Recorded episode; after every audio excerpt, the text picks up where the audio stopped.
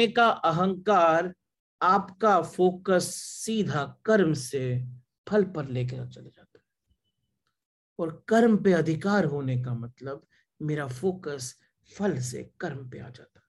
आपके किसी भी कर्म को करने के पीछे उसकी जो शुद्धि है, वो उसके भाव पे निर्भर करती है। अब ये बात समझना जरा ज़रूरी है। आप कुछ भी कर्म करते हैं वो कर्म आपसे बहता है एक नदी की तरह। अब वो नदी जिस समय किसी खेत से निकलती है तो वहाँ पर पुष्प निकल जाते हैं, वहाँ बड़े बड़े वृक्ष बन जाते हैं। अब अगर मैं कर्ता अपने आप को मानूँगा तो बोलूँगा कि ये वृक्ष मैंने उगाए। नदी सिर्फ़ एक बाट थी उस वृक्ष को उगाने में। लेकिन अगर मेरा कर्म पे अधिकार रहेगा तो शायद मैं वृक्ष को देखूँगा भी नहीं, मैं तो सिर्फ़ बहता जाऊँगा। एक नदी की बात आपके कर्म की शुद्धि उस कर्म के पीछे के भाव पे निर्भर करती है। शुद्ध और अशुद्ध भाव के लिए पहली बात अब ये शुद्ध और अशुद्ध भाव। ये भाव समझना भी ज़रूरी है कि शुद्ध भाव कौन सा है और अशुद्ध भाव कौन सा है। शुद्ध भाव चित्त की अवस्था है। आपके माइंड की अवस्था है। अशुद्ध भाव इम्प्योर भाव। चित्त की विकृति है। अवस्था नहीं है। वो मॉडिफाई हो गया है। विकृत हो गया है। अशुद्ध भाव चित्त पर बाहर आउटसाइड का परिणाम है। और शुद्ध भाव चित्त पर अंतस्थ, अनंत का, अंदर का विकास है। वापस रिपीट कर। दो आपके कर्म की शुद्धि आपकी भाव की शुद्धि पर डिपेंड करती है। किसी भी कर्म में ना, किसी भी कर्म को करने में उसके दो पार्ट है। एक है कर्माधिकार और दूसरा है फलाधिकार। कर्म अधिकार कर्म पे अधिकार कि फल पे अधिकार? मैं फल को अपना मानता हूँ कि कर्म को अपना मानता हूँ। ये दोनों अधिकार, दोनों तरफ़, एक तरफ़ कर्म फैल रहा है और एक तरफ़ फल का पाठ है।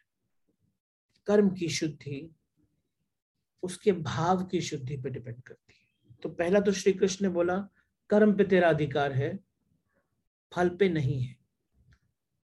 स्वयं को कर्ता मत मान, क्योंकि जब मैंने कर्ता माना तो मैं अपने आप को इस साइड मानता हूँ। जब मैं अपने आप को कर्म का अधिकार माना तो मैं अपने आप को इस साइड मानता हूँ। तभी सेकंड लाइन में बोलते हैं कि स्वयं को कर्ता मत मान। तेरे हाथ से जो फल निकले, उसका कर्ता स्वयं को मत मान। कर्म वही था, भाव दशा बदल गई। अब ये शुद्ध अशुद्ध भाव दशा बहुत डीप रूटेड है। इस शुद्ध अशुद्ध भाव दशा को जरा और डिटेल में लेकर चलते हैं।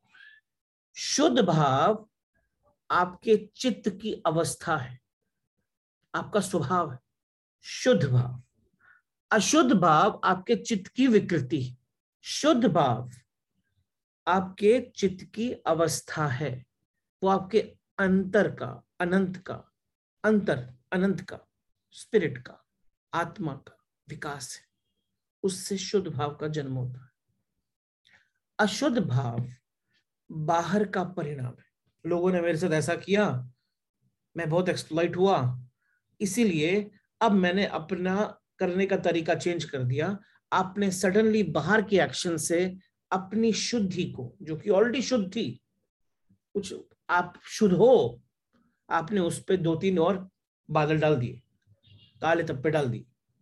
क्यों? क्योंकि बाहर से जो हुआ, उसका परिणाम ये हुआ कि अब मैंने अपने आप को बचाना शुरू किया और उसके लिए मैंने अपने कर्म को बदल दिया। क्यों? क्योंकि मेरे भाव बदल गए। जो अपने भावों को बाहर के परिणाम के कारण बदलता है, वो भाव अशुद्ध हो जाते हैं। एक बात समझ लेना कि आपके सारे के सारे कर्म ए टू जेड उसके पीछे का जो संचालन करता है ना, वो आपका भाव करता है। तो आपके जीवन में ये विचार करना बहुत ज़रूरी है कि मैं किन भावनाओं से संचालित होता हूँ। संचालित मतलब कौन सी भावनाएँ आपको ड्राइव करती आपका कर्म किन भावनाओं से संचालित होता है? वो भावनाएँ जो मेरे भीतर से आती हैं या दूसरे लोग मेरे में पैदा करते हैं? भाव, जीवन क्रिया की ऊर्जा है। मैं उन भावनाओं से संचालित होता हूँ जो मेरे भीतर से आती हैं या उन भावनाओं से संचालित होता हूँ जो मुझमें पैदा की जाती है। बहुत ही डीप रूटेड थॉट है ये। आज इस समय, जिस समय श्री कृष्ण ने ये श्लोक बोला था, उस समय अर्जुन का कर्म बाहर से पैदा की हुई भावनाओं के कारण अकर्म में चला गया था। तभी श्री कृष्ण ने लास्ट लाइन में बोला, अकर्म में आसक्ति ना रख।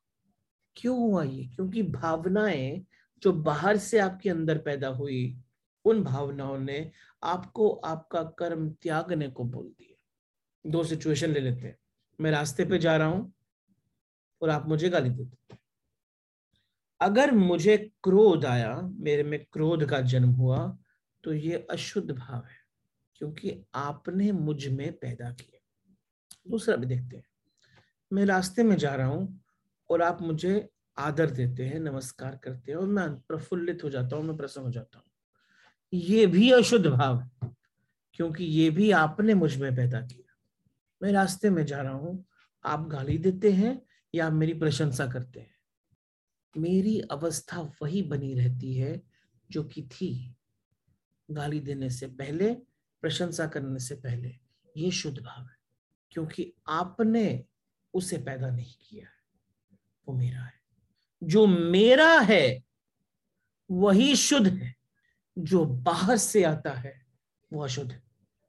क्योंकि वो बाहर की प्रतिध्वनि है, वो बाहर का रिएक्शन है, बाहर का रिफ्लेक्शन है।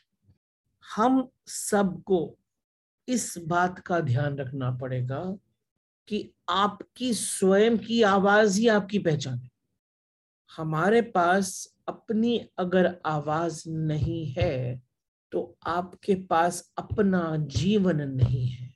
आपके पास अपनी आवाज़, अपनी ध्वनि नहीं है तो आपके पास कोई जीवन नहीं है। आपका कोई भाव नहीं है। हमारे सब भाव अशुद्ध हैं, क्योंकि वो दूसरों से आए हैं। वो दूसरों के हैं। तो ये बात याद रखिए। पहला सूत्र, कर्मयोग का, कि भाव मेरा हो। मेरे से निकला हुआ आपके अंदर नहीं आया हो आपका हो। प्रतिक्रियाएँ ना हो, वो मेरे चित्त की अवस्थाएँ हो। ऐसे चित्त की अवस्थाएँ जो चारों भागों में मैंने विभाजित किया है। चित्त की अवस्था आपके थ्रू निकलनी चाहिए, आपसे विकसित होनी चाहिए। जिस भी भाव को आप अपने अंदर विकसित करेंगे, उसे विकसित होने का मौका देंगे। वो भाव आपके सभी कर्म को अल्टीमेटली डिसाइड करेगा। अब अगर मैं बहुत ही ज़्यादा इम्पैक्ट हो जाता हूँ बाहर से, किसी ने कुछ कह दिया, किसी ने कुछ कर दिया तो मेरे हाथों से जो कर्म निकलेंगे, वो आपके कर्म नहीं होंगे। वो आपसे करवाए गए कर्म होंगे, क्योंकि आपसे करा हुआ कर्म, निकला हुआ कर्म, उस भाव से जन्म हुआ है, जो भाव बाहर की तरफ़ से आपके अंदर आया है। हमारा जो वास्तविक भाव था जो हमें बचपन में मिला था, जिससे हमारा जन्म हुआ था, जिसके अंदर हमारी प्राइमरी सोर्स ऑफ़ एनर्जी थी, वो भाव प्रेम का था।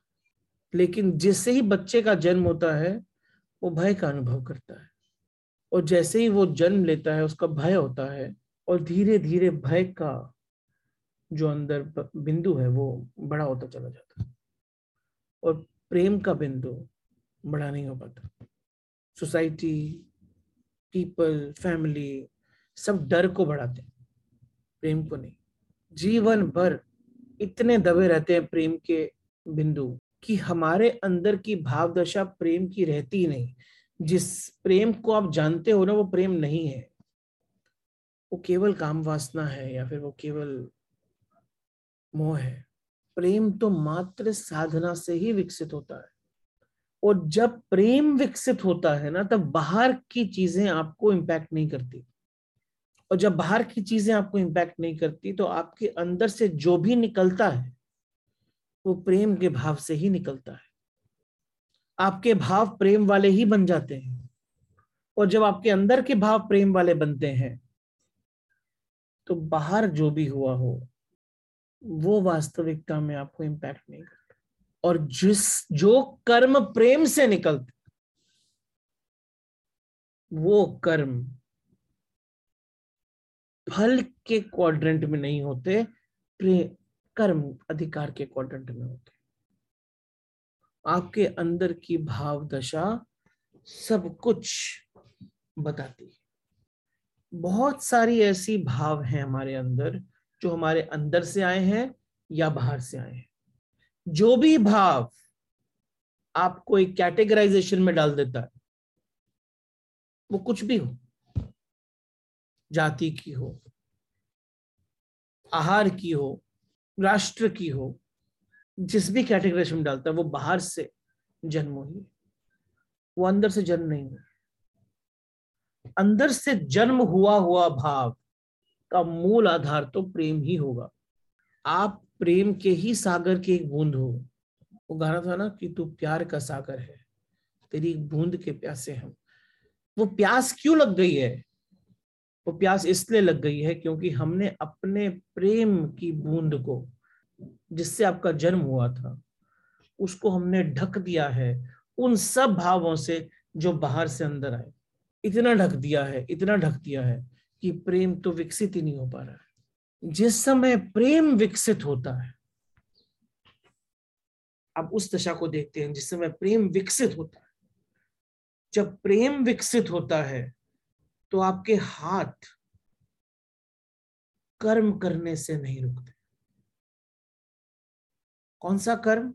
वो कर्म जिससे प्रेम विकसित होता आपका हाथ वो कर्म ऑटोमेटिकली करेगा जिससे प्रेम और भी विकसित होता जिससे करुणा विकसित होती आपके सामने जो प्रकृति देगी, आप अपनी इच्छा से नहीं, अपने भाव दशा से, जो कि प्रेम की भाव दशा है, उससे आप उस प्रकृति को नमस्कार करोगे और कर्म करोगे। और उससे जो फल आएगा ऑटोमेटिकली स्वयं को करता नहीं मानोगे, क्योंकि भाव प्रेम का था और भाव से निकला हुआ कर्म प्रेम को विकसित कर रहा था।